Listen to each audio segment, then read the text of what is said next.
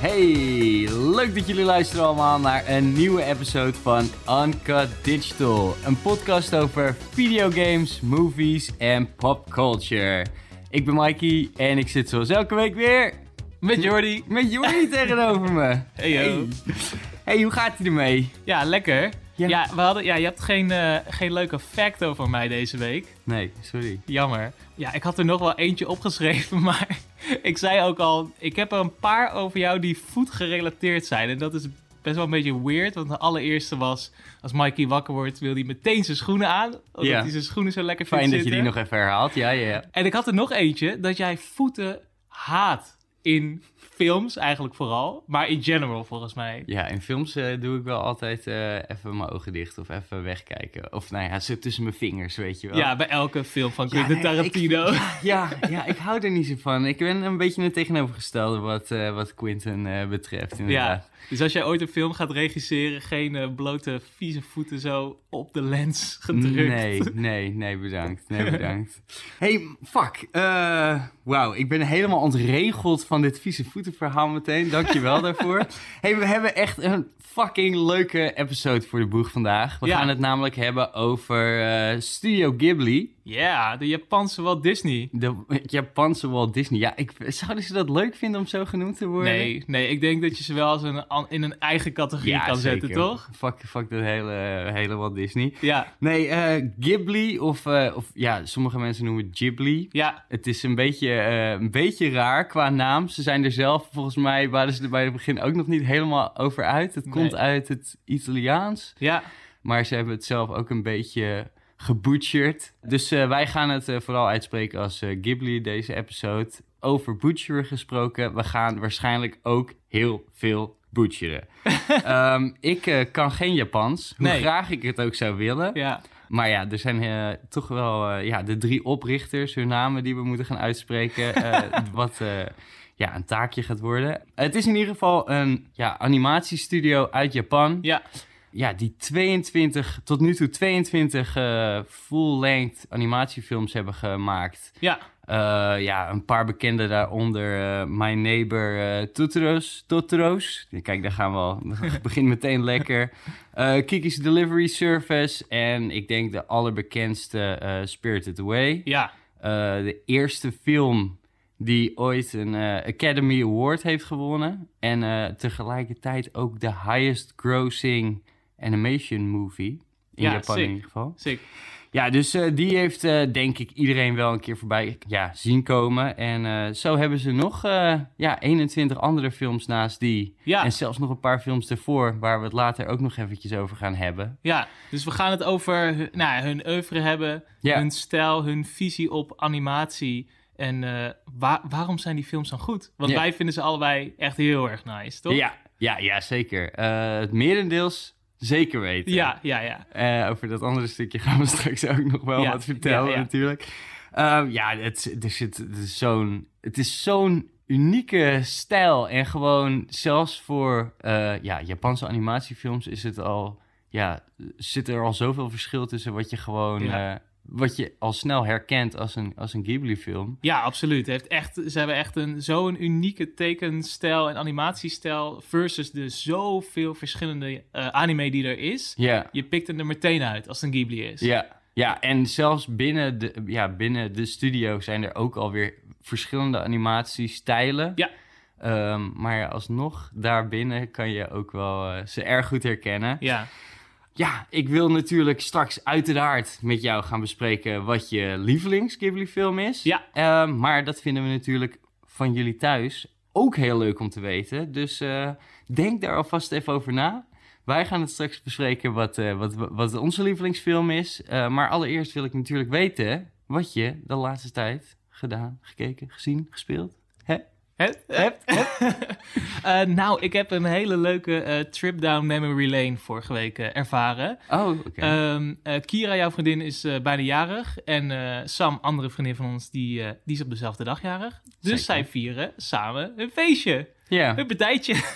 en ehm, ja, zo, wat wij wel vaker doen, is dat we een klein themaatje erbij doen. Dus dit keer hebben we ook weer een verkleed thema bij het feestje. Of hebben zij eigenlijk. Ja. En dat is eh, cartoons en tekenfilms van vroeger. Ja. Om maar even in de stijl te blijven. En eh, ja, ik moest natuurlijk een leuke outfit gaan uitzoeken. Dus ik ben gewoon op Google gaan zoeken. Oude tekenfilms van vroeger, tekenseries. En dan kom je toch eens gewoon shit tegen dat je denkt... Oh ja, oh my god, ik zat dit gewoon zoveel te kijken. En als ik het nu niet meer had gezien, dan was ik het allang vergeten. Ja.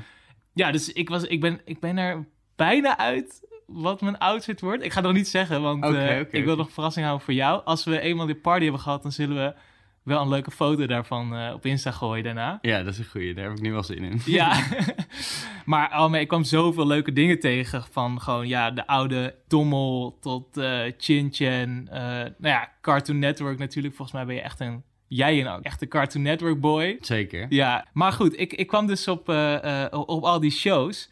En toen herinnerde ik me ineens een, ja, een soort van documentaire serie dat de stemmen van vroeger heet. En dat was in de old days op eh, Facebook te zien. Er was een account en ze maakte hele korte, ja, kleine Oh, ja, ja, documentaires ja, eigenlijk. ja, ik weet het wel. Met Nederlandse voice actors ehm, van SpongeBob, van nou, ja, Chin en heel veel andere shows. Ja. Dus ik ben al die video's weer gaan kijken. Dat is echt fucking leuk om te zien. ja, zeker. Maar ze doen het ook echt heel goed. Ja, ja, ja. Het is een superleuke serie. Dus eh, eh, ja, als je nu aan het werk bent en eventjes geen zin meer hebt eh, of afgeleid bent, ga het even googlen. De stemmen van vroeger. Ja, Want- wel na de episode. Hè. Oh ja, natuurlijk, naar de episode. Of ja, pauzeren we. Nee, nee, nee, nee, nee. gewoon na de episode. Ehm, en ja, ze interviewen dus eh, voice actors. Dus bijvoorbeeld de stem van, eh, van Octo en van SpongeBob en van eh, meneer Krabs. Kleine fun fact, de stem van Octo is ook de man die in Fairly Odd Parents meneer Crocker doet. Ja. Dus gewoon die fucking gek, die docent van hun, die... Is hij, hij is een docent, toch? Ja, Ik zou het niet weten meer, jongen. die op zoek is naar toverpeet-ouders. En elke keer als hij het zegt, dan freakt hij hem helemaal.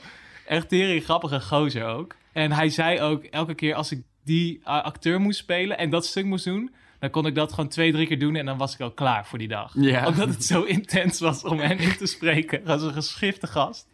Ja, maar het is... Ja, wat ik vooral zo vet vond... Ik, kijk ook echt... Want op YouTube zijn, is het gewoon... eh, Ja, inmiddels zijn ze staat het groter- allemaal op YouTube. Groter geworden. Ja. Maar ja, daar... Ik, het verschil met eh, stemacteurs van toen en... Ja, I don't know, stemacteurs van nu... Is, eh, heel vaak is het dat het tegenwoordig gewoon acteurs zijn. Ja. Of dat het een bekende Nederlander is. Ja. Of, of wat dan ook. Ja. En ja, dat is een, je merkt wel dat het vroeger echt veel meer als vak gedaan werd. En dat het eigenlijk ook veel beter was. Ben ik met je eens. En helemaal als je inderdaad die episodes van, nou ja, van oude tekenfilmseries en zo kijkt. En ook helemaal de Nederlandse, Nederlandse stemacteurs van, van, eh, van de jaren 90 en Ja. begin 2000 zijn echt een van de betere eh, over de wereld. Dat is echt Ja. heel vet om te zien. Ja, ja, ja.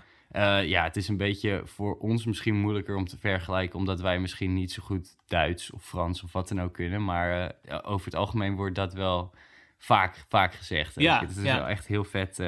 en heel vaak kijk ik ook cartoons gewoon, als ik oude cartoons kijk van, ja, nee, dit moet toch in het Nederlands. De Nederlandse Nederlands. versie. Dus ik je probeert mee te praten, maar het is gewoon van, als je het in het Engels kijkt van, hè, zo, her- zo herken ik het helemaal niet. Ja, herken ja, ja. het helemaal niet. Terwijl ik dat nu nooit meer zou doen. Nu Nee. zet ik hem gewoon meteen op, Op Engels. Ja, deze is heel funny, want het heet trouwens de stemmen van toen. Ik had die al gelijk gebutcherd. Ja, de stemmen nice. van toen, niet van vroeger. Maar bijvoorbeeld de voice actor van eh Chin Chen zat er ook in, een vrouw.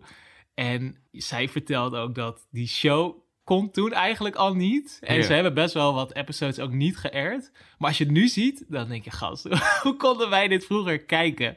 Ik mocht het overigens op een gegeven moment ook niet meer kijken thuis. Gewoon, mijn moeder vond het te grof en gewoon insane wat die gast allemaal deed.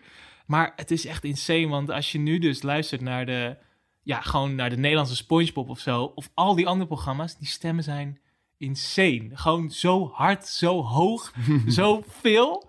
Ik heb echt respect voor elke ouder in de jaren negentig, om nu ook nog steeds, die, eh, die, het, die het respect heeft voor zijn kind om dat gewoon lekker aan te laten en niet helemaal te flippen van die insane stemmetjes die, eh, die je gewoon op televisie de hele dag hoort. Ja, maar het, is ook wel, het ligt ook wel aan, aan de show, denk ik. Want sommige zijn gewoon net zo leuk om als ouder te kijken als, eh, als Ja. voor kids. Ja, Maar ja, er zit echt crap tussen dat ik denk van... Oh my god, als je als, je als ouder dit de hele dag moet aanhoren, ja, dan word je toch Ja, het is gewoon verschrikkelijk. net te gek. Ja. Dan is het toch gewoon het eerste wat je doet, goede koptelefoon aan. Ja. denk je. voor jezelf of voor die kinderen. Oh, trouwens, ze hadden ook, je zegt net over eh, dat de Nederlandse voice actors zo goed zijn. Ze hadden één video over Freddy Fish.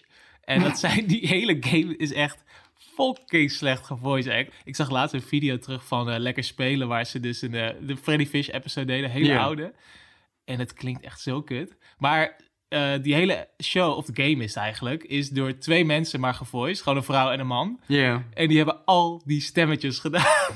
Ja, maar het maakt ook het nog extra kutter, omdat je dan gewoon, dan klik je twintig keer op hetzelfde stukje en dan begint het elke keer weer opnieuw. Dus Ja. dan is het, nou, ik, ik kan niet eens een, stukje voordoen. La, ga, ik, ga ik ook helemaal niet doen, gewoon. Never mind. Hey, ik heb eh, ook eh, nog eh, wat dingetjes gekeken en gespeeld. Ja, vertel. En ehm, het is lekker aansluitend op episode van, van The Witcher die we laatst hadden. Oké. We hadden natuurlijk gewoon een uur lang zitten lullen over The Witcher. Dat ik dacht van, ja, ik wil toch wel eh, even wat meer, eh, wat dieper er weer in gaan. Ja, Dus ik had eh The Nightmare of the Wolf gekeken. de anime. De anime. Ja. Nou, sluit ook lekker aan op deze episode. Hey. Ja, het was minder kut dan verwacht. Dus je vond het eigenlijk wel leuk? nee, ik vond het wel, ik vond het wel oké. maar ehm, Nou, maar minder kut. Ja, ik, ik dacht dat het heel kut zou zijn. Oh, je had gewoon low expectations. Ik had hele low expectations. Maar je moet wel echt er heel erg in komen. En ik vond het echt... Het gaat over Ves- Vesemir, Ja, die eh, jong is. ja. Maar ik kon niet erin komen dat dat Vesemir was. Dat Gewoon, het dezelfde karakter van de Ja. game was. Of het zo. was zo weird. Want ja, het begint eigenlijk van hoe hij een Witcher wordt. Mhm. Eh, op zich best wel interessant om te weten. Ja, Maar als je gewoon kijkt naar hoe ver we zijn eh, met de nieuwe spellen en met de boeken en zo, kan Ja. ik me gewoon niet voorstellen dat dit dezelfde character is. Maar qua animatie werkt The Witcher universe gewoon echt fucking goed voor alle aanvallen en alle attacks en de movements. Ja. ziet er super vet uit in tekenstijl. Dus ja. het, ja, dat, dat aspect was heel vet. Maar qua verhaal was het gewoon eh, een, beetje, een beetje dun. En, de character was gewoon te stoer en witty en ja. gewoon chill the fuck out, weet je wel. Oké, maar vind je het leuker dan de serie, denk je? De live-action serie? Oh shit, Oh, deze vraag had ik niet eh, terug verwacht. Ehm, en helemaal nadat eh, we natuurlijk zoveel shit gepraat hebben over de Witcher-serie... Ja. is het eh, moeilijk om te zeggen. Ik, ik, het was chill dat het gewoon anderhalf uur durende film was. Ja. En niet per se eh, meteen een hele serie. Dus eh, ja, ze hadden natuurlijk wel veel meer characterbeelden kunnen doen. Mhm. Maar ik weet niet of dat ten goede was voor, eh, Nee. ja, voor dit. Ik zie zo voor me dat er nog wel een animefilm zou kunnen komen. Oké.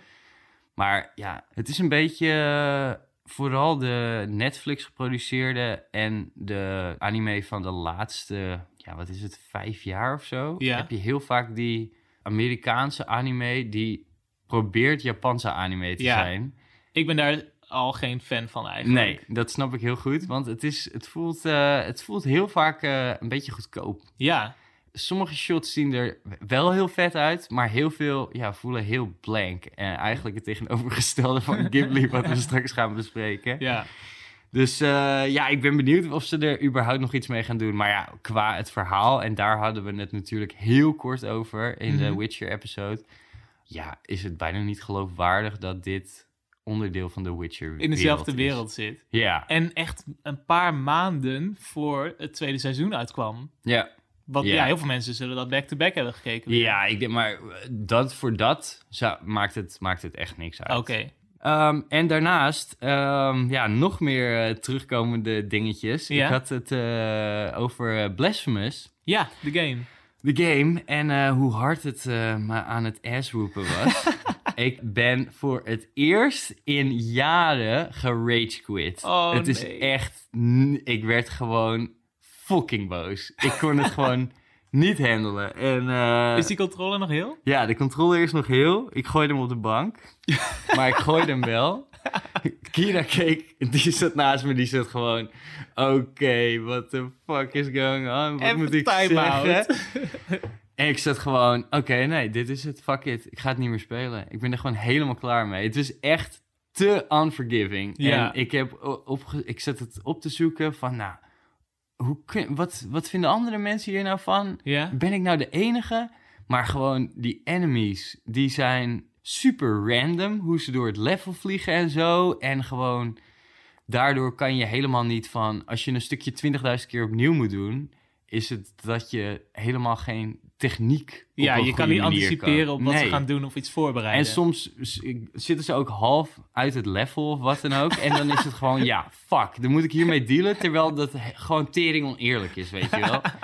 Dus eh, ik werd er gewoon eh, op een gegeven moment echt scheidsziek van. En toen was het gewoon, oké, het ziet er heel mooi uit allemaal, maar fuck dit spel, het is niet voor ja, mij. hey, je hebt het ervaren. Dat is Ik- heel goed. Ja, ik heb het ervaren. Ik heb er godverdomme veel geld voor deze kopie eh, neergelegd. Eh, Oh, hij was limited run ook.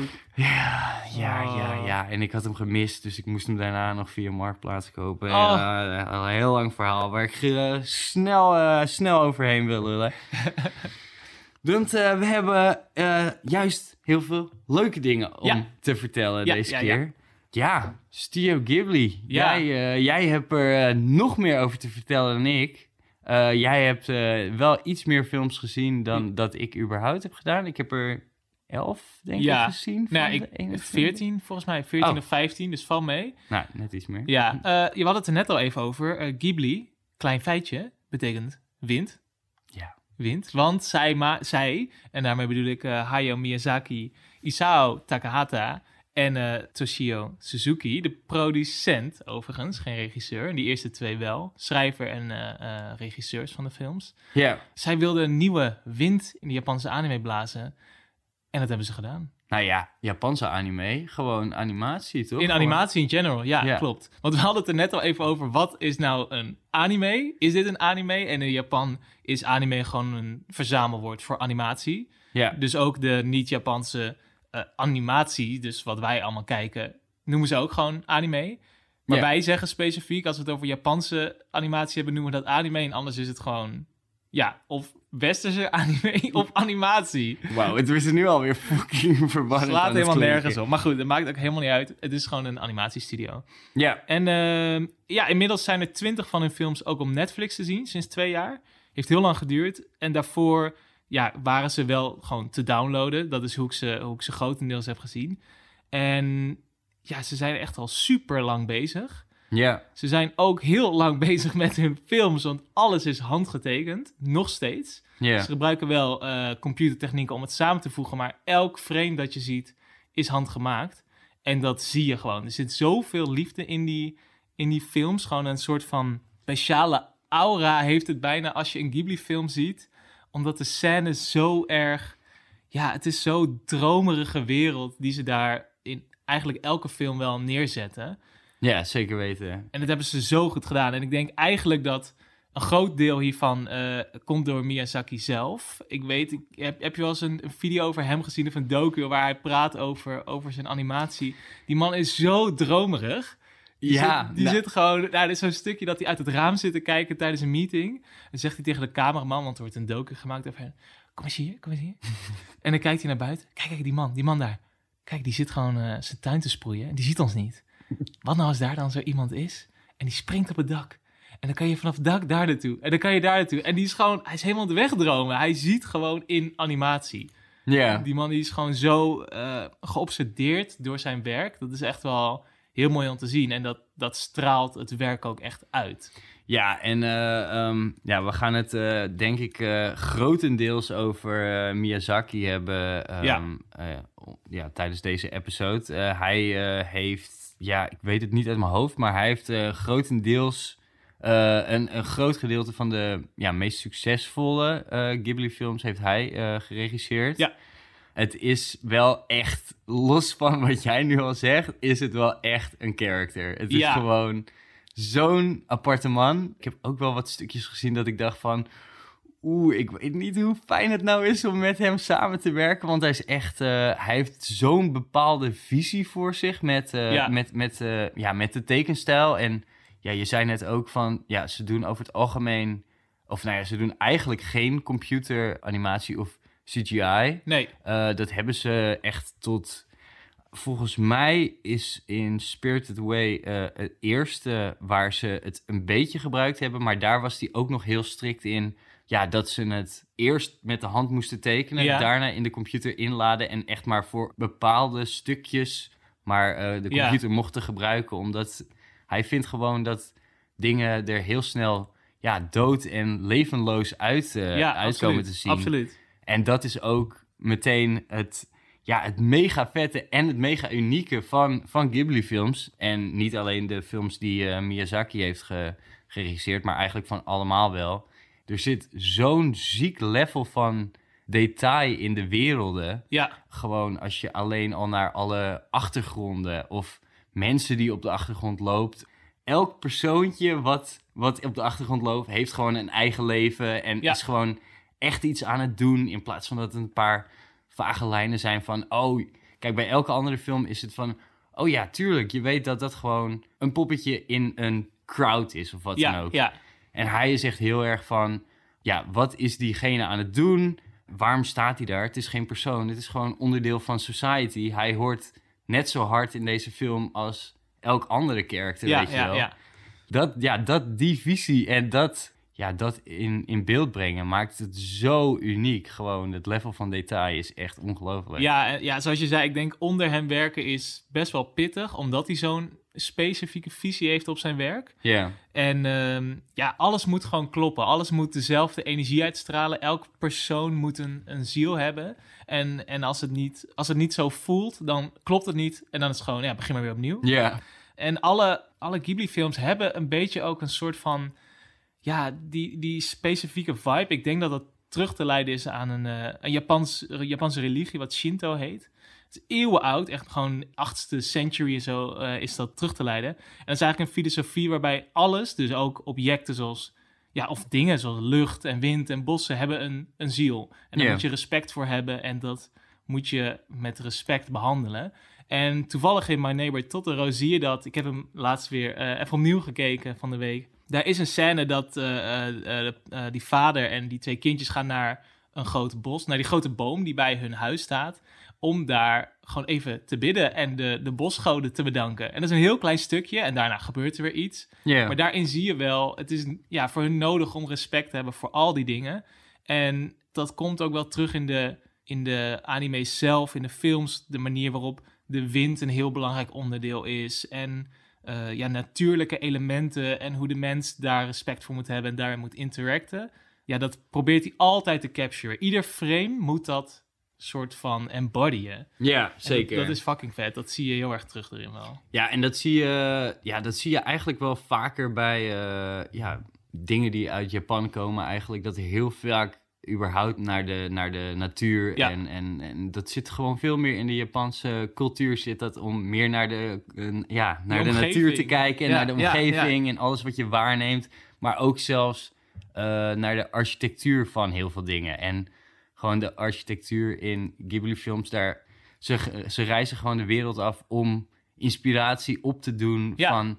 Oh, dit is eh, zo vet eh, in, eh, weet ik veel, Zwitserland of in, in Zweden of waar dan ook waar ze naartoe gaan. En dan kan je echt zien van, oh, ze zijn echt op die plekken geweest om daar inspiratie Ja, op ja, te ja. doen. En ja, het, het is gewoon, het is gewoon zo ziek hoe, die, hoe, die, hoe, ja, hoe ze daar op een andere manier kijken naar, dan, dan wij eigenlijk doen. Ja, en ik denk dat dat heel vet is. Precies dat, die unieke visie op, op dingen, je omgeving, de schoonheid van de kleinste dingen. Omdat ze daar zoveel aandacht in steken, denk ik dat dat heel erg nice is voor ons om te zien. Omdat je dan, ja, je staat gewoon even stil bij echt de kleinste dingetjes. Ja, En wat je net zei, de, de architectuur, ze vliegen de hele wereld over om alles gewoon te capturen en zo mooi mogelijk na te maken. En vaak ziet het er dan in hun films nog veel mooier uit dan in het echt. Ja, omdat zeker. het gewoon straalt bijna. En vroeger waren heel veel films echt op Europese eh, architectuur gebaseerd. En hij zegt ook, nu hij steeds ouder wordt, eh, is hij steeds meer naar zijn eigen omgeving aan het kijken. En naar zijn, eh, ja, gewoon naar de Japanse architectuur en cultuur. Want hij zegt, ik hoef niet ver te reizen om een wereld ergens in te vinden. Dat kan in de kleinste dingen zitten, in insecten en in gewoon voedsel en in ja, echt kleine dingetjes. Gewoon ja, bij, in zijn omgeving dus. Ja, ja want dat is eh, wel natuurlijk een beetje wat de, in de verhalen komt het altijd wel terug dat het eigenlijk dingen zijn die ze zelf in een manier hebben meegemaakt of dat ze Ja. eh, daarop het basisidee bedenken. Ja. En, en ja, sowieso eten en, eh, en insecten komen heel veel terug in, in Ghibli-films. Ik denk dat het eh, lekkerste eten wat je ooit in de wereld eh, hebt gezien zit wel in een Ghibli-film. Ja, gewoon een, een stukje, gewoon een tomaat als die wordt gesneden, als een eitje wordt gebakken in House Moving Castle bijvoorbeeld. Ja, Op die, dat vuurtje, dat die karaktertje. eitjes met, eh, met die bacon ernaast. Oh, gewoon- dat ziet er zo lekker uit. Ja, echt. En alles, alles beweegt ook. Het is een beetje liquid en, en spongy en zo. Je kan het gewoon bijna voelen. Ja, ja, proeven bijna Ja, gewoon. ja, ja. Maar, en je krijgt er wel echt heel erg trek van meteen. eh. ik zit gewoon zo vaak als ik een Ghibli-film kijk. Oh, dat zou, oh, daar heb ik ook zin in. Oh, daar heb ik ook zin in. Of, Ja. Oh, dat ziet er zo lekker uit gewoon. Ja, ja. Zo vaak. Ja, en ik denk een deel van die aantrekkingskracht van überhaupt hun, hun hele stijl heeft heel erg te maken met... Kijk, het is voor ons interessant. Het is, het is allemaal een beetje nostalgisch. Zeker de oudere films, want ze zijn heel vroeg begonnen en maken nu nog steeds films. Maar omdat het dus met de hand getekend is, heeft het een beetje die oude anime-aesthetic. Wat voor ons ook een stukje nostalgie is. Maar die, die tekenstijl, omdat er dus echt ja, zoveel aandacht in zit, ehm, is het gewoon een genot om naar te kijken. Gewoon de meest mundane dingetjes zijn interessant, weet je wel. Dus is, er is altijd een, een story. En over het algemeen zijn het kinderfilms. Daar kan je eigenlijk niet omheen. Maar ze gebruiken eh, thema's en, en thematiek die ook voor volwassenen super interessant is. En ze hebben bijvoorbeeld één film gemaakt. Dat is de eerste film van eh, Isao Takahata, die hij voor Ghibli regisseerde. Dat was Grave of the Fireflies. Ja. En dat is echt geen kinderfilm. Die Nee. film is zo pittig. ehm, en een heel groot terugkomend onderwerp, en vooral in deze zit dat, is eh, Japan versus de Tweede Wereldoorlog eigenlijk. Gewoon de. Amerikaanse bombardementen, hoe de mens eigenlijk eh, ja, dealt met oorlog. En wat ik heel vet vind is dat ehm, er is altijd, of in heel veel films speelt de oorlog, de Tweede Wereldoorlog, is een soort van backdrop of is een achtergrond. En je embodied bijna altijd een karakter die daarmee dealt op een bepaalde manier. Al is het ehm, omdat familie daarmee heeft gedeeld of zo. Ja. Maar wat ze heel goed doen is dat ze nooit eh, zeggen: oh ja, de oorlog of de vijand of evil is de, de Amerikaan in dit geval. Maar het is gewoon, ze embodyen evil gewoon als een entity. En de manier waarop de mens daarop reageert, daar gaat het over. Je ziet nooit letterlijk een, een gezicht van een Amerikaan of zo die in zo'n bomber zit, of in een vliegtuig of die een land inveet. Ja. En ze proberen het ook zelfs een beetje te ontmensen door bijvoorbeeld in Howl's Moving Castle. Eh Howl zelf, die gaat op een gegeven moment de oorlog in. En die wordt letterlijk een, een beest gewoon. Een soort van insane grote roofvogel. Waar de main character op een gegeven moment ook bang voor is. Omdat hij op dat moment oorlog aan het voeren is Ja. naar een andere wereld gaat en daar letterlijk oorlog voert. Dus ze proberen het ook niet menselijk te maken, omdat hij, ja, bijna alle Ghibli-films zijn gewoon een anti-war statement van dit is niet hoe je met elkaar omgaat, heb respect voor elkaar. Maar dus ook, ja, in Grave of the Fireflies zie je de keerzijde daarvan. Die film is zo fucking zielig. Als je het droog kan houden bij die film, dan heb je geen ziel. Ik meen het serieus. Die is zo sad. Ja, ja daar is het heel erg één op één voor mijn gevoel. Ik heb Ja. die, die, dat is een van de weinige die, die ik eh, nog moet kijken. Eh, maar ik hoorde wel inderdaad, bij die House Moving Castle is het, eh, is het dus dat het eigenlijk over ja, Amerika versus, eh, versus eh, Irak gaat eigenlijk. Ja, klopt. Dat is, dat is een soort van het ja, thema waar ze mee zijn begonnen. Ja, maar als je die film kijkt en je zou het niet weten, want ja, ik heb hem gekeken en ik vond hem echt fucking nice, Mhm. maar ik heb nooit die associatie Nee, daarmee nee. eh, mee, mee gezien. En ik heb het daarna pas, nadat ik er dingen over las en, en ja, filmpjes over keek, kwam ik er pas achter dat het daar überhaupt over ging. Ja, Maar het ding is dus dat eh, Miyazaki inderdaad eh, helemaal omdat hij zelf geboren is, eh, ja, rond de Tweede Wereldoorlog, ja, ja. zelf heel veel, ja, gezien heeft hoe Japan daarna, ja, daarna geworden is eigenlijk. Mhm. wat, wat voor invloed dat heeft gehad op Japan en op de mensen om zich heen. Ja, Ehm, en die is echt inderdaad ziek anti-oorlog en eigenlijk, ja, voor mijn gevoel misschien zelfs een beetje anti-Amerika, maar Mhm. niet alles, maar vooral het, het, het oorloggedeelte Ja, inderdaad.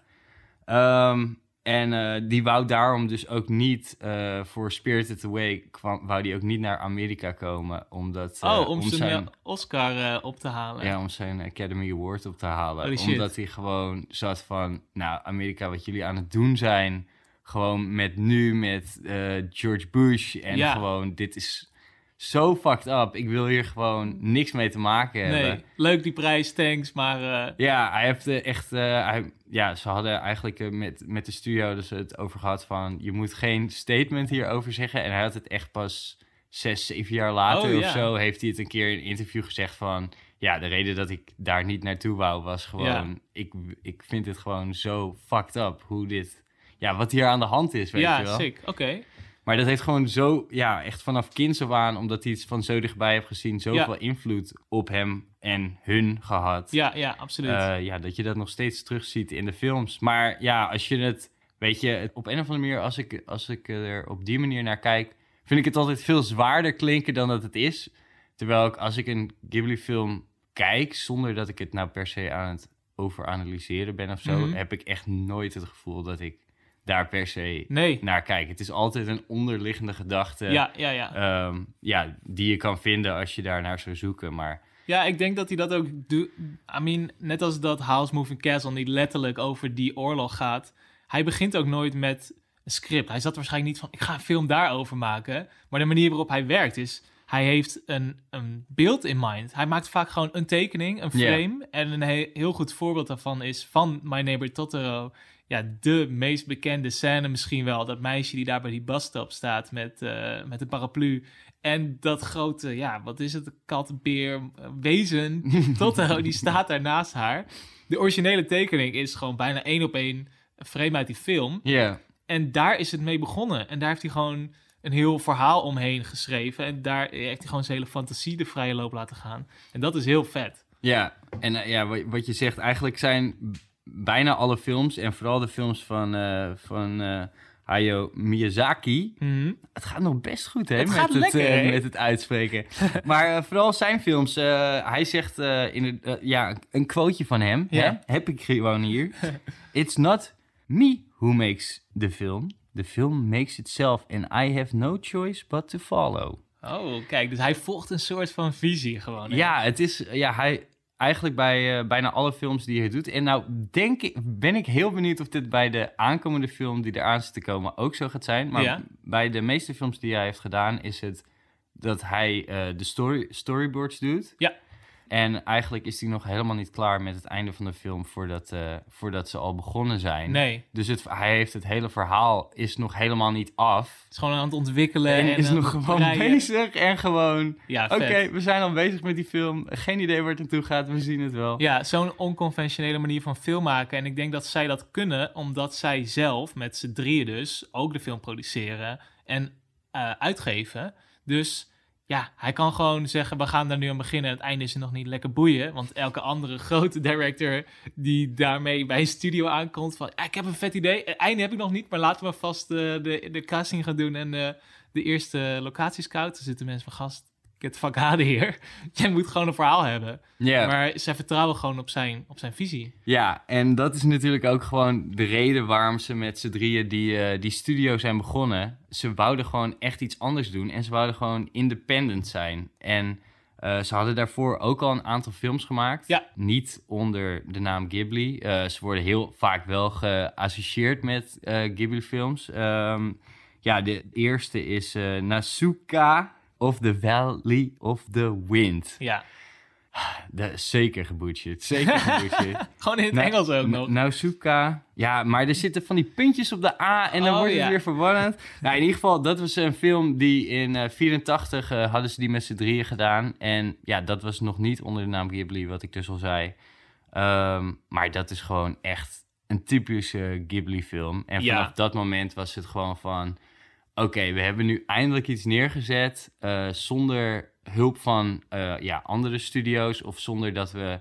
eh, want ze hebben eerst ook bij TUI Productions gewerkt en zo. En allemaal andere plekken. Mhm. Waar ze elke keer in de problemen kwamen van... ja, dit vinden wij niet sick. nee, dit gaan we niet doen. En nu was het, oké, we hebben een film zelf neergezet. We gaan gewoon independent. We zetten gewoon dit op met z'n drieën. En vanaf daar is het eigenlijk ja, langzamerhand eh, gegroeid met de visie van... oké, we gaan in ieder geval deze film neerzetten op de manier hoe wij dat willen. Ja. ja, is het een succes, dan gaan we door naar de volgende. En zo niet, dan was dat de laatste film. ja, en dat hebben ze, nou ja, na die film dus nog 22 keer gedaan. Ja, waren niet allemaal even succesvol. Dus ik vond het heel leuk dat ze het zeiden. Maar ik voel Ja. niet helemaal of het echt 100% waar is. Ja, het is vet, want er zitten een paar films in die ook eh, qua animatie wat experimenteler zijn. Die echt heel anders zijn dan hun normale. Ja, Ehm, dat zijn er twee. Dus je hebt My, Ne- de Ne- My Neighbors, de Yamadas. ja de, de woorden die ze gebruiken in de titels zijn heel vaak hetzelfde. Ja. Dat maakt het heel verwarrend. Ja. Maar ja, inderdaad, uit, Yamadas. eh, uit 1999. En The Tale of Princess Kaguya uit 2013. En dat zijn echt hele andere films. En dan hebben ze dus in 2020 ook nog een 3D-film uitgebracht. En die doet het niet zo goed. Eh, Nee? ik heb een trailer van gezien. Dit is een minst gerate Ghibli-film ook. Eh, dat is Urwick and the Witch. ja. Ik heb hem zelf niet gekeken dus, maar het ziet er echt niet Ghibli-achtig uit. Maar het is ook, ja, gewoon lange na niet on par met wat gewoon normale 3D-studio's nu allemaal doen. En het is heel gek dat zij deze stap hebben gemaakt, want hij is best wel tegen 3D-animatie. Ehm, dus ik weet ook niet hoe ze hierop zijn gekomen. ja, maar is volgens mij ook niet door eh, Miyazaki gedaan. Oh, hij heeft deze helemaal niet gedaan. Nou ja, ja, I don't know. Het, het, het straalt gewoon echt totaal niet dezelfde vibe af. Maar wat ze dus wel aan het doen zijn, en daar hadden we het net al even over, is dat er een eh, 2023 waarschijnlijk een nieuwe uitkomt. Die heet How Do You Live? En ze zijn er al super lang aan bezig. En in 2020 heeft hij eh, eh, het volgende erover gezegd. Toen we My Neighbor Totoro maakten in 1988 hadden we maar acht animators. We maakten de film in acht maanden. Voor deze film hebben we 60 animators die bij elkaar één minuut animatie per maand kunnen produceren. Omdat ze dus met veel meer frames per seconde werken nu. Ja. En dat betekent dus dat we, in, eh, dat we per jaar maar 12 minuten film kunnen maken. Dus ja, hij zegt we hebben nog op drie jaar nodig waarschijnlijk om die film te maken. Dus hij kan nog lekker lang dromen over dat einde. En ja, ik hoop dat die van dit jaar nog uit gaat komen. Maar ik, ja, ik denk het eigenlijk niet. Nee, er stond sowieso al 23. Ja. Ehm, volgens mij stond er eerst eh, zelfs dat hij in eh, 2022 zou komen. Maar dat hebben ze al snel aangepast. Ja, Maar ja wat, ja, wat is de deal daarmee? Want ik bedoel, gisteren heb ik Spirited Away gekeken. Ja. Ik dacht, even mijn geheugen weer ver- verfrissen en eh, ik ga die film kijken. Ehm, want in mijn gedachten was die toch wel heel anders. Maar als ik dat kijk, het ziet er gewoon tering goed uit. Maar ook gewoon qua kwaliteit. Dus het voelt echt als een gewoon een Blu-ray eh, film. ja, Terwijl ik hem gewoon op Netflix keek. Ja. Waar ze natuurlijk ook 4K en shit hebben. ja je hebt niet het idee dat je naar een film van, uit 2000 zit te kijken. Want hij is uit 2001. Ja, klopt. Ja, Dus ja, ik snap niet per se wat nou de deal is van waarom... Ja, waarom zou het nu dan meer frames per seconde moeten zijn? Ik bedoel, ja, ik weet hoe het met bitrates en, eh en frame rates gaat... Ja. en hoeveel frames er in, eh, in een 4K, eh, onder 4K zitten. ja. Maar dat zou naar mijn idee niet per se uit moeten maken. Nee. Ik, ik bedoel, ik weet dat hij er meer verstand van heeft dan ik, maar... ja. Wat, wat moet ik erbij verwachten, vraag ja, ik me nou, gewoon. dat weet ik ook niet. En we weten eigenlijk ook nog helemaal niks over deze film. We weten alleen de titel, How. Do You Live. We weten niet wat voor een film, we weten ook niet waarover. Mensen speculeren wel, maar ja, tot die film uitkomt eh, kunnen we alleen maar speculeren. Maar wat wel dit jaar uitkomt, of open gaat eigenlijk, is het eerste Studio Ghibli theme park in Japan. Doe normaal. Ja, en eh, ze hebben al een beetje geteased wat er allemaal te zien is. Maar het is heel vet. Het is niet een eh theme park zoals wij dat kennen met thrill rides en zo en rollercoasters. Maar het is meer een ervaring. Dus je, ze hebben hele stukken en steden, huizen, dorpjes, karakters één op één nagemaakt in dat park. Ja. En het is ook in een natuurreservaat. Dus ja, je moet om van de ene naar de andere kant te komen gewoon door een natural trail trail lopen. Ja. Om eh, ja, bij zo'n huisje te komen dat ergens in een bos ligt of zo. En om daar dan die echte Ghibli-vibe te ervaren. En ze hebben eh, een grote marktjes nagemaakt. En natuurlijk fucking grote gift store hebben ze en zo. Dus ja, wel echt heel vet. Want heel, dit soort dingen wil je gewoon in het echt voelen en zien Ja, of ervaren zo. Ja, gewoon. ja. Ja, want ja, dat is het sikke gewoon bij die, bij die Ghibli-wereld. En ik denk dat dat in een teampark gewoon ook mega goed zou werken. Het is dat de films voelen heel realistisch aan op Ja. een of andere manier. En dat bedoel ik niet van, als ik nu naar de overkijk, dat het hetzelfde uitziet in een Ghibli-film. Maar het is gewoon, omdat het dus gewoon zo gedetailleerd is en er gebeurt iets, eh, er zit iets geks van fantasie in, geloof je dat helemaal. Ja. Omdat de rest van de wereld eh, zo echt is. ja. En ik denk als je dat in een teampark ziet, weet je, en je loopt door een, eh, een gek bos en je ziet daar eh, dat meisje met die, met die, met die gekke Totoro eh, op, op de bus wachten. Ja, ik Ja. denk dat het er fucking vet uit gaat zien. Ja, dat denk ik ook. Ik denk dat dit zich helemaal niet leent voor zo'n Warner Bros. of grote actie-adventure eh teampark. Maar dat je dit gewoon zo'n soort van serene ervaring moet zijn waar je doorheen loopt en, eh, en meekrijgt. Ja, maar je, hebt nu, je ziet dat wel natuurlijk steeds meer komen. Je hebt, van de Simpsons heb je ook al eh, zo'n zo'n park inderdaad. Dat je gewoon door Springfield heen loopt. Ja. En vorig jaar is natuurlijk de Nintendo Land Ja. uitgekomen. Maar ja, Ghibli zou echt sowieso het beste werken qua dat, denk Ja. ik. Alleen is misschien de franchise minder groot dan... Mhm. eh, of nou ja, misschien minder groot in de rest van de wereld dan die andere franchise. Ja, nou ja, ik heb eh, in 2019, eind 2019, een klein beetje hiervan mogen proeven. Ik ben toen een maand in Japan geweest. Ja, Met Matthew, goede vriend van mij. En ja, fucking vette trip. Maar wij wilden sowieso in Tokio ook een Ghibli museum gaan bezoeken. ja. Eh, ligt in een buitenwijk in Mitaka. En wij wisten al, hadden we online gelezen, als je tickets wil kopen, moet je er vroeg bij zijn. Want elke eerste van de maand komen de tickets vrij voor de maand erop. oh shit. En die zijn gewoon binnen twee minuten uitverkocht. Doe Het is normaal. super high demand. En toen hadden wij een website gevonden die dan via waarschijnlijk een of ander geautomatiseerd systeem tickets binnensleept. En dan kon je voor iets van 8 euro meer, kon je daar gegarandeerd dan een ticket kopen. Als je het in ieder geval tussen de eerste, tweede en derde van de nieuwe maand zou kopen. Oké. En dan kocht je dus bij een reseller. Vast wel een beetje eh, eh, shabby. We wisten nog niet helemaal of dat zou lukken. Dus wij hadden echt ja, twee maanden van tevoren al die tickets gekocht. En toen ja, was het van, nou oké, we gaan die tickets ergens ophalen. Dus wij ergens in Tokio moesten we dan een flatgebouw in. Gewoon ja, een, een office building. Nou, weet ik veel, verdieping 57. Was het van, ja, is dit het dan? Moeten we hier zijn? Zijn we opgelicht? En toen moesten we gewoon ergens even wachten in een, een hokje van, oh ja, we komen zo bij je. En toen kwamen ze daar aan met die tickets. Dus wij helemaal opgelucht. En drie dagen later gingen we naar het museum. Eh ligt dus in een buitenwijk. Super lange rij. Want eigenlijk dat hele dorpje daaromheen, ja, dat, dat leidt een beetje daar naartoe. Het ligt aan het einde van het dorpje. Ja. Het was echt zo druk. Ik denk dat we wel ja, een drie kwartier daar in, in de rij hebben gestaan. Terwijl het gewoon in een straat is eigenlijk bijna. Het is niet een teampark of een museum wat ergens weg ligt. Eh, het ja, ligt gewoon in dat wijkje. Ja, want het is opgericht door, eh, door, door die gasten zelf. Ja, Zij ja, hebben ja. het zelf gemaakt. Ja, Ze is- maken er zelf de grap over van...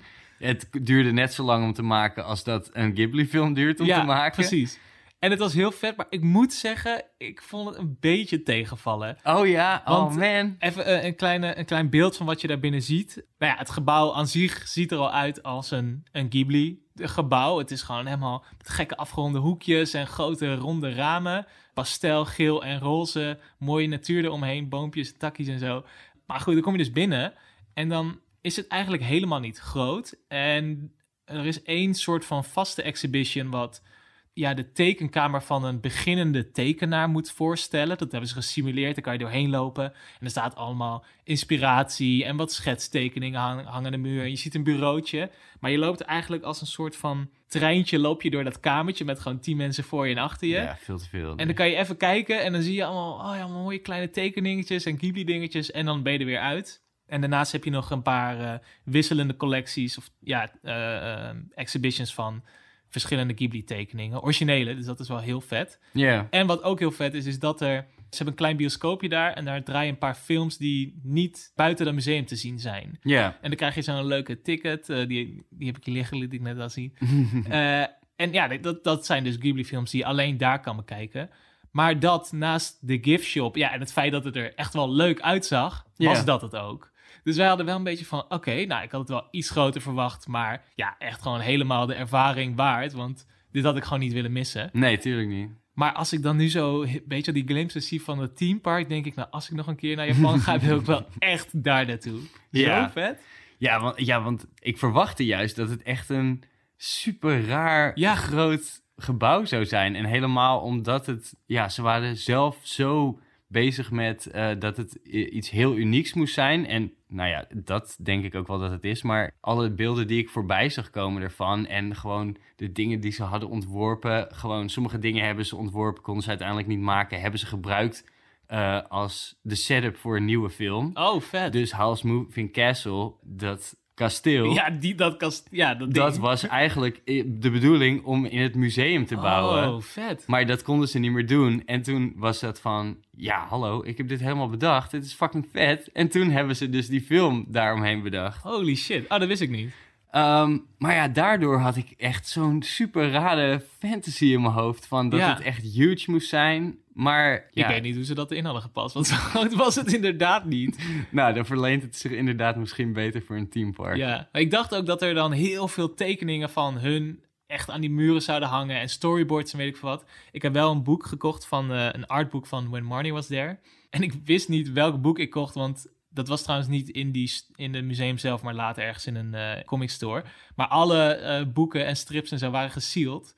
Dus ik heb hem thuis pas opengemaakt. En toen wist ik pas precies wat er allemaal in zat. Dus ik wist niet of het interviews waren of storyboards of gewoon originele tekeningen of zo. Ik had geen idee. Omdat je geen Japans kon, bedoel je? Nee, nee, ik kon het boek niet openmaken. Gast. Er staat nog iets op de zijkant. Oh ja, nou, misschien staat er dan in het Japans artboek of storyboard of whatever. Oké, oké. Maar het is, ja, het is een mooi boekje, maar ik had gehoopt dat het museum daar helemaal vol mee zou hangen. Maar dat was het niet. Maar in de gift shop dan ook niet, of zo? Nee, ja, dan kon je gewoon plusjes shit kopen en poppetjes en zo. En En dat heb je niet gedaan? nee, ik heb zo'n mooie Saitama pop voor jou gekocht, weet je nog? Want jij was bijna jarig. Punch dat is een eh, onderwerp voor een andere episode, denk ik. Oké, en waarom, eh, hè, waarom dan eh When Marnie was hier? Ja, die lag daar gewoon. Het was niet dat ik gewoon keuze had tussen Oh, twintig oké, verschillende. oké. Het was Ik gewoon, dacht- yo, ik zie een Ghibli-boek. Nou, ik dacht misschien ga je vertellen van, nou, dat zal ik je eens vertellen, want dat vind ik nou de leukste film. Ik heb hem niet gezien. dat is eentje die ik niet had gezien. Maar het was gewoon Ghibli. Ik was gewoon, gast, let's go. Ik wil dit En je hebben. hebt hem nu nog steeds niet gezien. Nee, nog steeds niet gezien. En je hebt wel in dat boek, eh, zitten er geen spoilers in dat boek? Nee, het zijn gewoon eh, schets, schetsen, Oh. tekeningetjes, Oh. een beetje storyboard. Misschien als ik hem van begin tot eind lees dat ik het meekrijg. Maar ja, het is vooral Japans inderdaad. Ja, dat is eh, toch altijd jammer, hè, met Ja. die mooie boekjes die uit Japan komen. Ja.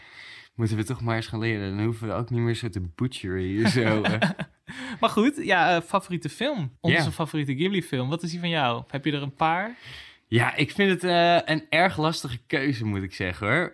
Ik vind, nou, we hebben hem al een paar keer genoemd, maar ik vind Howl's Moving Castle echt, echt heel nice. Ja. Ja, het is ja, best wel anders qua, eh, qua ook de characters en qua de humor of zo die erin Ja. zit, vergeleken met de andere films. Eh, dat vlammetje is gewoon tering grappig. Ehm, en ook gewoon de rare...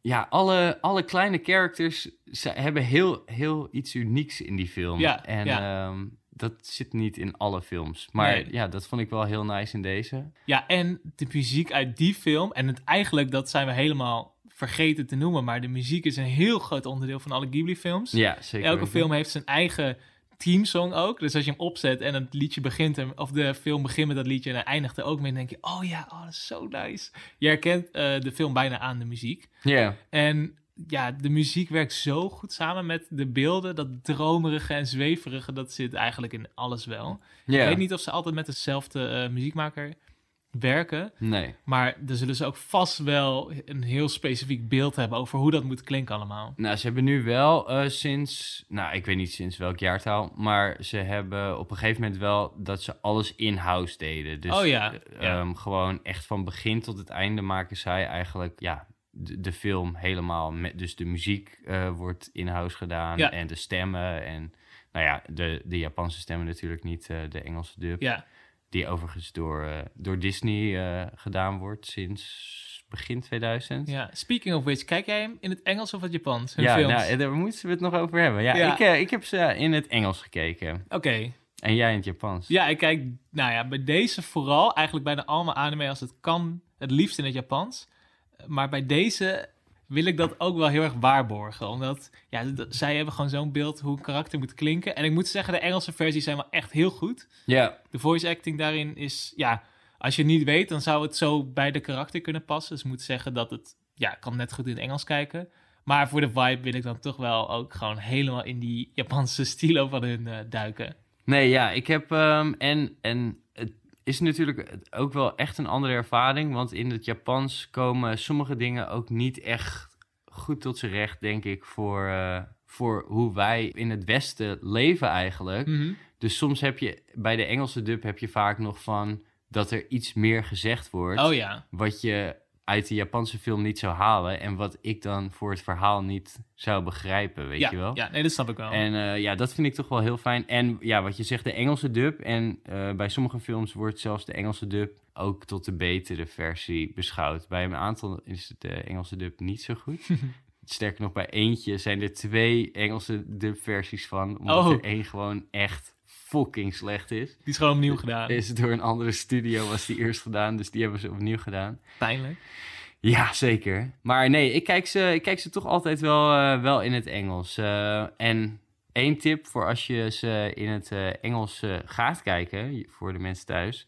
Handig om de subtitles uit te zetten. Oké. Want de, de, ja, de, de subtitles zijn eigenlijk altijd gebaseerd op de Japanse versie. Oh ja. Eh, dus dan krijg je een letterlijke vertaling van ja, wat ze in het Japans zeggen. Maar dat komt echt totaal niet overheen. Dus je hoort iets heel anders dan dat je leest. Ja. Dus dan ben je alsnog in de war. Kan je net zo goed gewoon helemaal op Japans met Japanse subs kijken. Ja, als ik het met Kira kijk, is het gewoon van... Nou, ik, ga, ik, word, ik word helemaal gek van die fucking... eh, van die, van die niet kloppende subs. Dus die kijkt er al niet meer naar. Maar Ja. ik kijk er, blijf er naar kijken. Ja, je kan dat niet... Je blijft de hele tijd gewoon naar beneden kijken. Als er tekst in beeld komt, dan ga je dat gewoon zitten lezen. Ja, maar ook omdat ik dan denk van... Oh, ik ben ook wel benieuwd wat ze dan in het Japan zeggen. Weet je? Dan ben je alleen maar afgeleid. Dus dan ben ik gewoon twee dingen tegelijk aan het doen.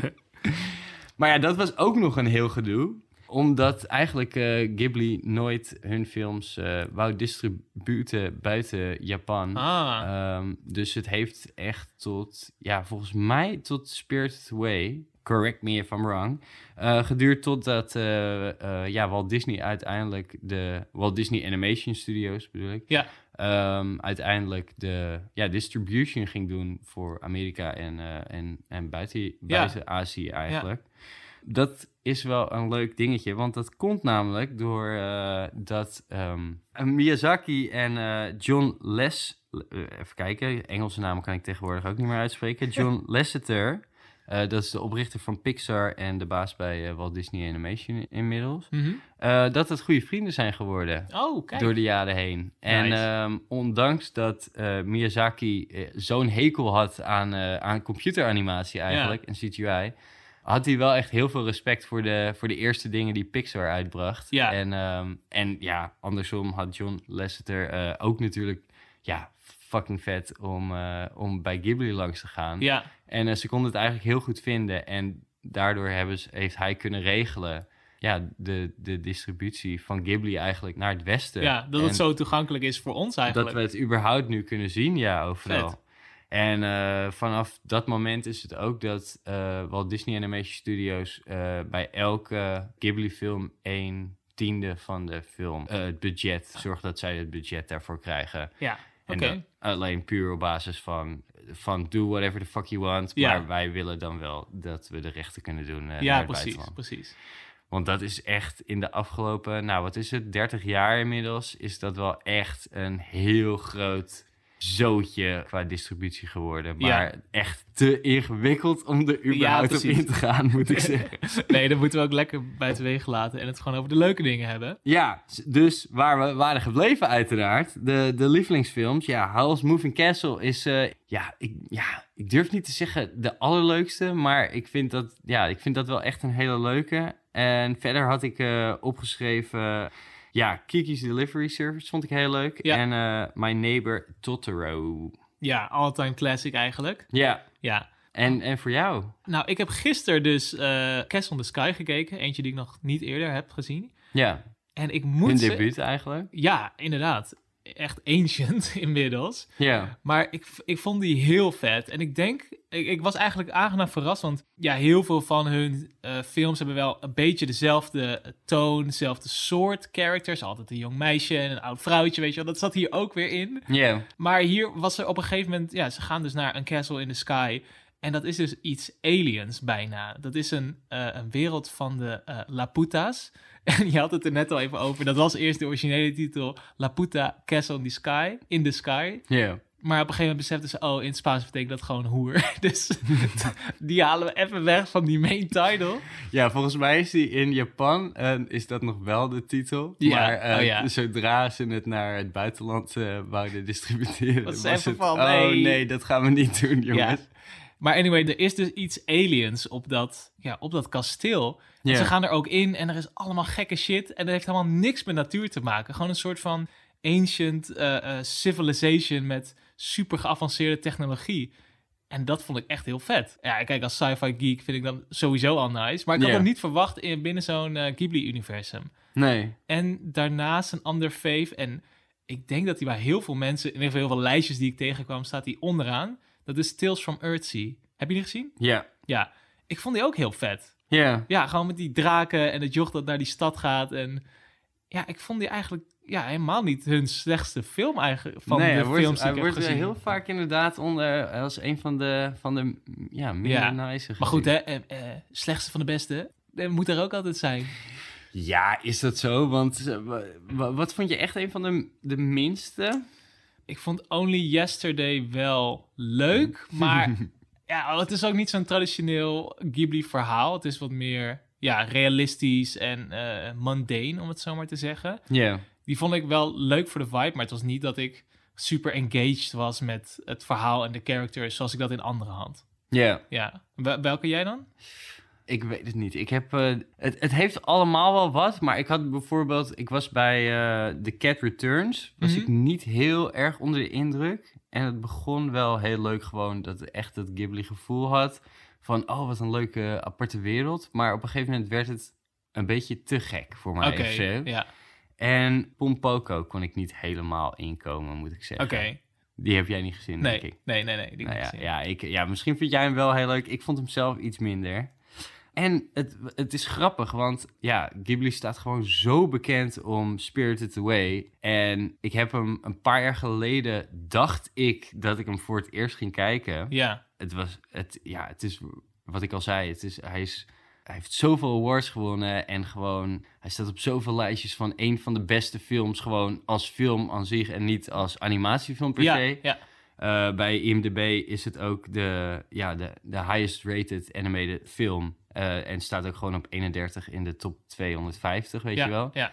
En ik zat gewoon van, oh fuck, ik heb hem nog nooit gezien. En ik ging hem kijken en ik had hem gewoon vroeger als, als klein jochie al gezien. Mhm. Gewoon een beetje wat jij als, uh, als uh, met de Pokémon uitlaat.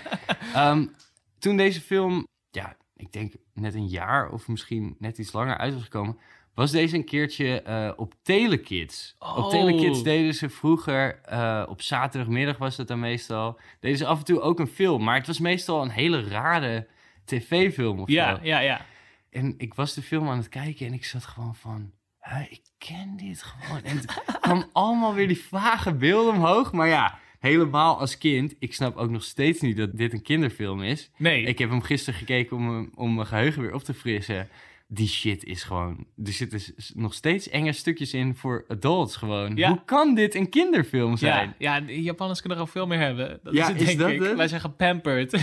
Nou ja, ik denk... Er zijn gewoon dingen die ze in Japan uh, zo anders opvatten dan dat wij doen. Ja. Dan gewoon... Maar dat kom je wel vaker in Ghibli-films tegen... Ook een film waar het een beetje op incest uitkomt. maar die wou Disney namelijk ook niet uh, distribueren voor Oeh. ze. Uh, in die Pompoko hebben de, gaat het over uh, raccoons. Mm -hmm. Die kunnen veranderen. Oh ja. Die raccoons hebben ook een hele speciale balzak. Eh, die Oh. balzak, eh, die, die kunnen ze namelijk extra groot maken en veranderen. En Ah, dat is best wel een groot stukje in de film. en toen ik dat zag, dacht ik ook van... Oké, oké, ja, sure, sure, interesting. sure. En, Fantasierijk, ja. ja, nee, ja, en het grappige is, dat wat ik dus net zei over de, de, de subtitles, subtitles, subtitles, bij de één op één vertaling van het Japans was er... Ja, look at my testicles, how I can eh, transform them or whatever. En eh, in- in- bij de Engelse dub zei die eh, totaal iets anders. Dus Ja, eh, er zitten echt nog wel wat... Kleine censuur. ja, klei- ja, kleine censuur en kleine cultuurverschillen. Ja, ja, ja. Ja, dat, dat blijf je houden. Maar en zelfs, dat is grappig, zelfs binnen Japan is Ghibli super groot. Het is niet zo van, oh ja, het Westen vindt dat helemaal sick. Maar ja, ze zijn echt heel erg groot. En ze onderscheiden zich ook heel erg goed van de gemiddelde anime daar. Waar de anime die daar wordt gemaakt is veel al gebaseerd op archetypes. En om de fandom of de, eh, de, de ages, de kinderen die dat kijken op dat moment, gewoon te pleasen. Dus dan is het gewoon een, eh, een coole sporter of een schoolmeisje of zo. Maar Ghibli doet dat helemaal niet. En heel veel Japanse anime is ook gemaakt om gewoon speelgoed te verkopen. Ja. Nou, het moet gewoon een franchise worden. Dus het moet een leuke dit hebben en het moet een leuke dat hebben. En dat kan je dan uiteindelijk verkopen. En Ghibli werkt helemaal niet op die manier. Natuurlijk ja, is er super veel Ghibli merchandise. Want het zijn allemaal vet leuke karaktertjes en zo.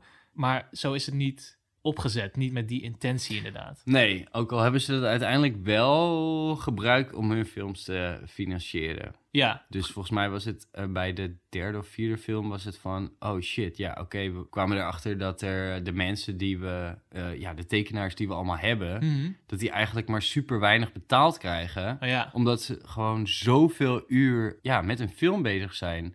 Dus uiteindelijk hadden ze gezegd van... Oké, we moeten gewoon ze een, ja, een normaal werkersloon kunnen geven. Dus gewoon een vast bedrag per maand. Ja. En de enige manier hoe ze dat konden realiseren... is inderdaad door gewoon ook die figuurtjes te Ja. gaan maken en te verkopen. Merchandise, Ja. speelgoed. En ja, dat werkt natuurlijk echt tering goed bij, eh, ja, vooral die gekke buitenaardse wezentjes die ze, die ze natuurlijk eh, in eh, veel films verspreiden. Ja. Kijk, we kunnen hier denk ik volgens mij nog, eh, nog uren over doorlullen. Zeker weten. Maar ehm, eh, ja, om af te sluiten wil ik nog even een kleine kijktip meegeven. Want er zijn eh, twee documentaires over Ghibli en voornamelijk over Miyazaki gemaakt. Eh, eentje in 2013, The Kingdom of Dream of Madness. Super leuk om te checken. En inmiddels, in 2020, is er een vier uur durende documentaire serie uitgekomen. In vier delen opgeknipt. Eh, op NKH. En die kan je gewoon gratis kijken. En die heet 10 Years with Miyazaki. Dus ik heb hem zelf nog niet gezien. Ik denk dat hij super nice is. Dus ik ga hem, ik denk deze week gewoon lekker aanzetten. En dan vier uur lang gewoon verliezen in, eh, in zijn gekke droombeeld en zijn gekke mind. ehm, gekke visie, ja zeker. Ja, ja. Dus eh, ja, als je meer wil zien, eh, check het zeker. Want ik denk dat het, ook als je niet heel erg bekend bent met hun films, is het echt leuk om ja, te kijken waar dit allemaal vandaan komt. Ja, zeker. En ik denk ook gewoon voor de mensen die misschien denken van... waar de fuck hadden jullie het al die hele tijd over? Want ja, alle woorden die we over Ghibli vuil maken... ja, die kunnen gewoon niet omschrijven gewoon de veel films die... eh, ja, gewoon wat die films gewoon representen en gewoon Ja. wat die films zijn. En ja, wat je net ook al zei van... Ja, sinds 2020 staan nu eh, een heel groot deel van, de, van hun films op, eh, op Netflix. Ja.